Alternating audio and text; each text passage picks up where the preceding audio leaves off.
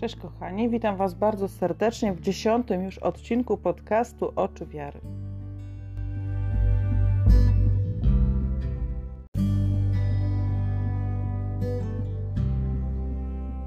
Dziękuję, że jesteście ze mną w lekturze adhortacji papieża Franciszka Gaudete et Exultate o świętości w świecie współczesnym, czyli o mojej i Twojej świętości. Bo każdy z nas powołany jest do tego, by zostać świętym sąsiadem albo świętą sąsiadką. Obecnie czytamy drugi rozdział pod tytułem Dwaj subtelni wrogowie świętości. Traktuje on o współczesnych formach starożytnych herezji, gnostycyzmie i pelagianizmie. Gnostycyzm polegał na próbie odrzucenia wszelkiej tajemnicy i Bożej łaski i zdegradowaniu Boga i wiary do zbioru praw, wiedzy i logicznych systemów. Tymczasem nasze rozumy są zbyt małe, by móc ogarnąć wszechmoc i transcendencję Boga. Czytaliśmy o tym wcześniej. Dzisiaj czytamy o pelagianizmie, który podniósł bardzo wysoko wolną wolę jako to, co zbawia. W starożytności to myślenie doprowadziło do odrzucenia w ogóle prawdy o grzechu pierworodnym. Uznano, że Adam, owszem, dał nam zły przykład poprzez swój grzech, ale ten przykład nie jest tylko przykładem. On nie oddziałuje na nas w żaden sposób. Wcale nie rodzimy się ze skłonnością do grzechu, czyli z grzechem pierworodnym. Mamy wolną wolę, możemy wybrać, czy grzeszymy, czy nie. W konsekwencji Pelagianie odrzucili też zbawczą ofiarę Jezusa. No bo skoro Adam nie ściągnął na nas grzechu pierworodnego, tylko dał zły przykład, no to Jezus nie zmywa z nas grzechu i winy, tylko daje dobry przykład. Święty Paweł w liście do Rzymian pisze wyraźnie, że nie czyni dobra, którego chce, ale zło, którego nie chce. Pokazując nam tym jasno, że nasza ludzka wola, chociaż wolna, nie ma w sobie boskiej mocy sprawczej. Przeczytam teraz kolejne pięć punktów adhortacji, czyli punkty od 47 do 51. Jest to fragment, w którym papież wprowadza nas w pojęcie pelagianizmu i pokazuje, jak prowadzi ono do braku pokory i do pychy. Poczytajmy. Gaudete et exultate, punkty 47 do 51. Współczesny pelagianizm. Gnostycyzm doprowadził do powstania innej starej herezji, która jest obecna także współcześnie. Z upływem czasu wielu zaczęło dostrzegać, że to nie wiedza czyni nas lepszymi lub świętymi, ale życie, jakie prowadzimy. Problem polega na tym, że przekonanie to było subtelnym pogorszeniem wcześniejszych sądów, a w efekcie błąd gnostyków został zwyczajnie przekształcony, ale nie przezwyciężony.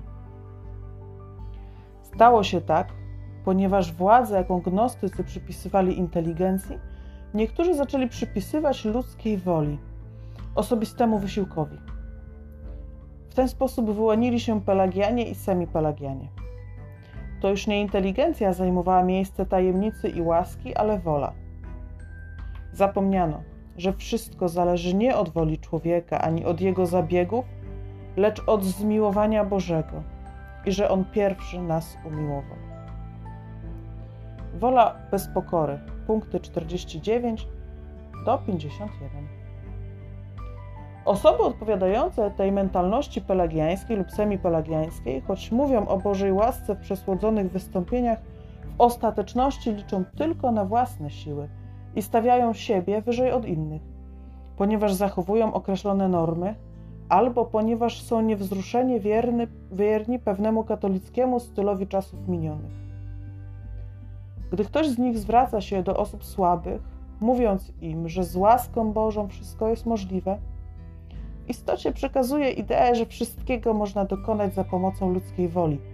Tak, jakby była ona czymś czystym, doskonałym, wszechmocnym, do czego dołącza się tylko łaska. Usiłuje się pomijać, że nie wszyscy mogą uczynić wszystko i że w tym życiu ludzkie słabości nie są całkowicie i raz na zawsze uzdrowione przez łaskę. W każdym razie, jak naucza święty Augustyn, Bóg zachęca ciebie, byś dokonał tego, co możesz, i prosił o to, czego nie możesz. Albo byś pokornie powiedział Panu: Udziel tego, co nakazujesz, i co chcesz nakazuj.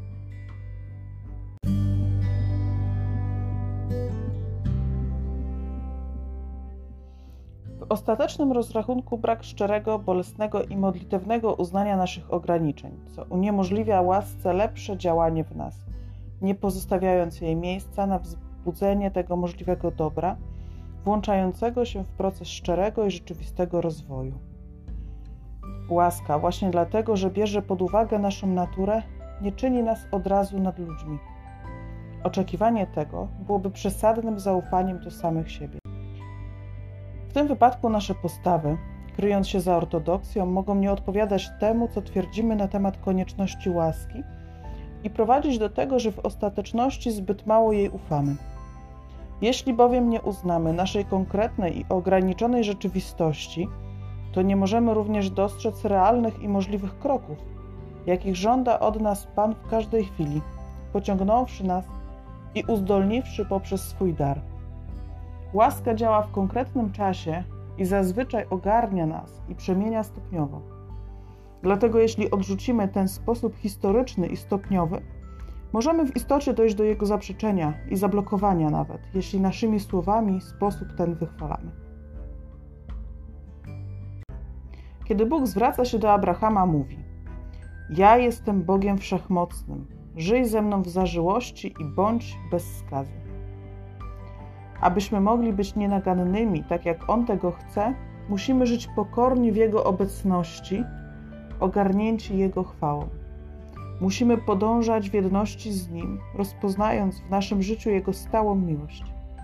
Trzeba porzucić strach przed Jego obecnością, która może nam uczynić jedynie dobro. On jest Ojcem, który dał nam życie i bardzo nas kocha. Kiedy Go akceptujemy i przestajemy myśleć o naszym życiu bez Niego, znika udręka samotności. A jeśli nie stawiamy przeszkód między nami a Bogiem i żyjemy w Jego obecności, to możemy pozwolić Jemu, by zbadał nasze serca, żeby zobaczył, czy znajdują się na właściwej drodze. W ten sposób będziemy mogli poznać przyjemną i doskonałą wolę Pana i pozwolimy, aby On nas ukształtował jak garncarz. Wielokrotnie mówiliśmy, że Bóg w nas mieszka, ale lepiej powiedzieć, że to my mieszkamy w Nim, że On nam pozwala żyć w Jego świetle i w Jego miłości. On jest naszą świątynią. O jedno proszę Pana, tego poszukuję, bym w domu Pańskim przebywał po wszystkie dni mego życia. Jeden dzień w przybytkach Twoich lepszych jest niż innych tysiące. W nim zostajemy uświęceni.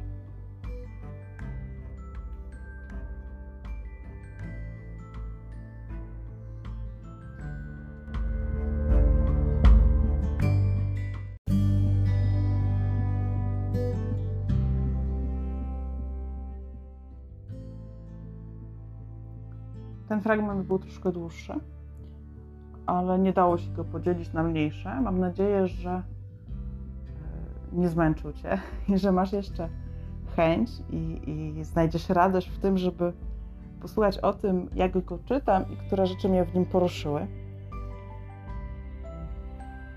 W punkcie 48 czytamy: To już nie inteligencja zajmowała miejsce tajemnicy i łaski, ale wola oczywiście w kontekście pelagianizmu. W naszej wierze musi być miejsce na tajemnicę i łaskę. Tajemnicę spotkania człowieka z Bogiem, tajemnicę wiary innych ludzi i łaskę, którą Bóg rozlewa tak, jak sam chce i tam, gdzie sam chce. Czy jest we mnie, w moim myśleniu, coś, co zajmuje miejsce tajemnicy i łaski? Zawsze, gdy wchodzę do kościoła, czytam te różne karteczki, które są porozkładane czasem na ławkach albo na stoliku gdzieś przy, przy wejściu. Te karteczki, które obiecują stuprocentowe spełnienie Twoich prośb według, według Twoich życzeń, Twoich wyobrażeń, tego, co Ty tam sobie wymyślisz, o ile tylko odklepisz odpowiednią liczbę modlitw w odpowiednim odstępie czasowym przez odpowiednią ilość dni. No Boże drogi, to nie magia. Te karteczki nie są zgodne z naszą wiarą. Ja je zawsze wyrzucam do kosza, bo one nie zostawiają miejsca na to, że to Pan Bóg decyduje. My możemy i powinniśmy prosić, ale to Pan Bóg decyduje.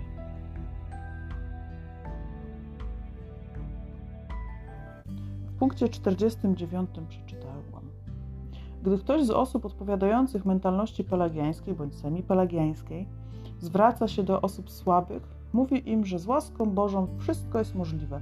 W istocie przekazuje ideę, że wszystkiego można dokonać za pomocą ludzkiej woli, tak jakby była ona czymś czystym, doskonałym i wszechmogącym, do czego łaska się tylko dołącza.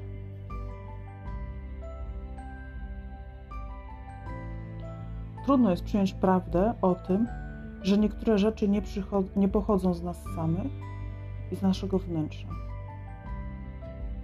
Trudno jest pokornie uznać, że to Bóg daje wtedy, kiedy chce i to, co chce. I że to, co daje, jest zawsze dobre.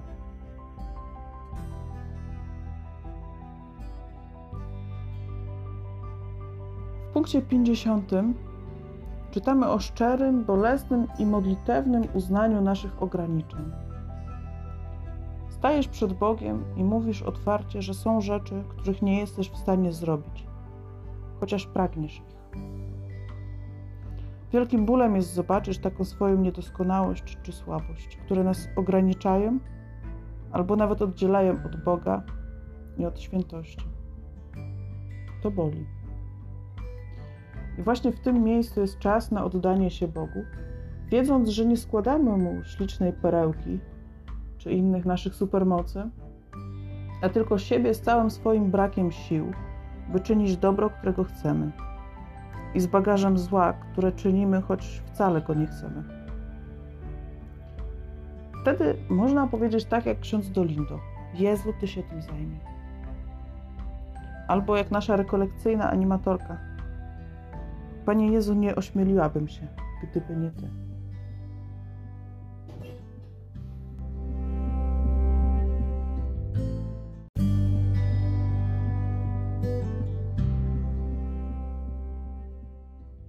Bogu zostajemy uświęceni i to On nas zbawia. Nie od pstryknięcia, ale łaska działa w konkretnym czasie i zwykle uzdalnia nas stopniowo. Mamy ufać w to Boże działanie, a nie w naszą wolę, inteligencję czy wiedzę.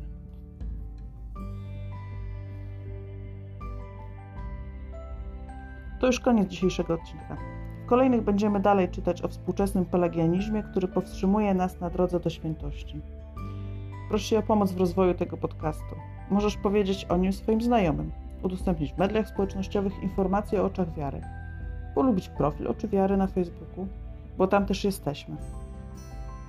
Odwiedź oczywiary.pl. Czekam też na wszelkie Twoje uwagi i refleksje pod adresem kasiamałpaoczywiary.pl. I wszystkiego dobrego w nowym roku.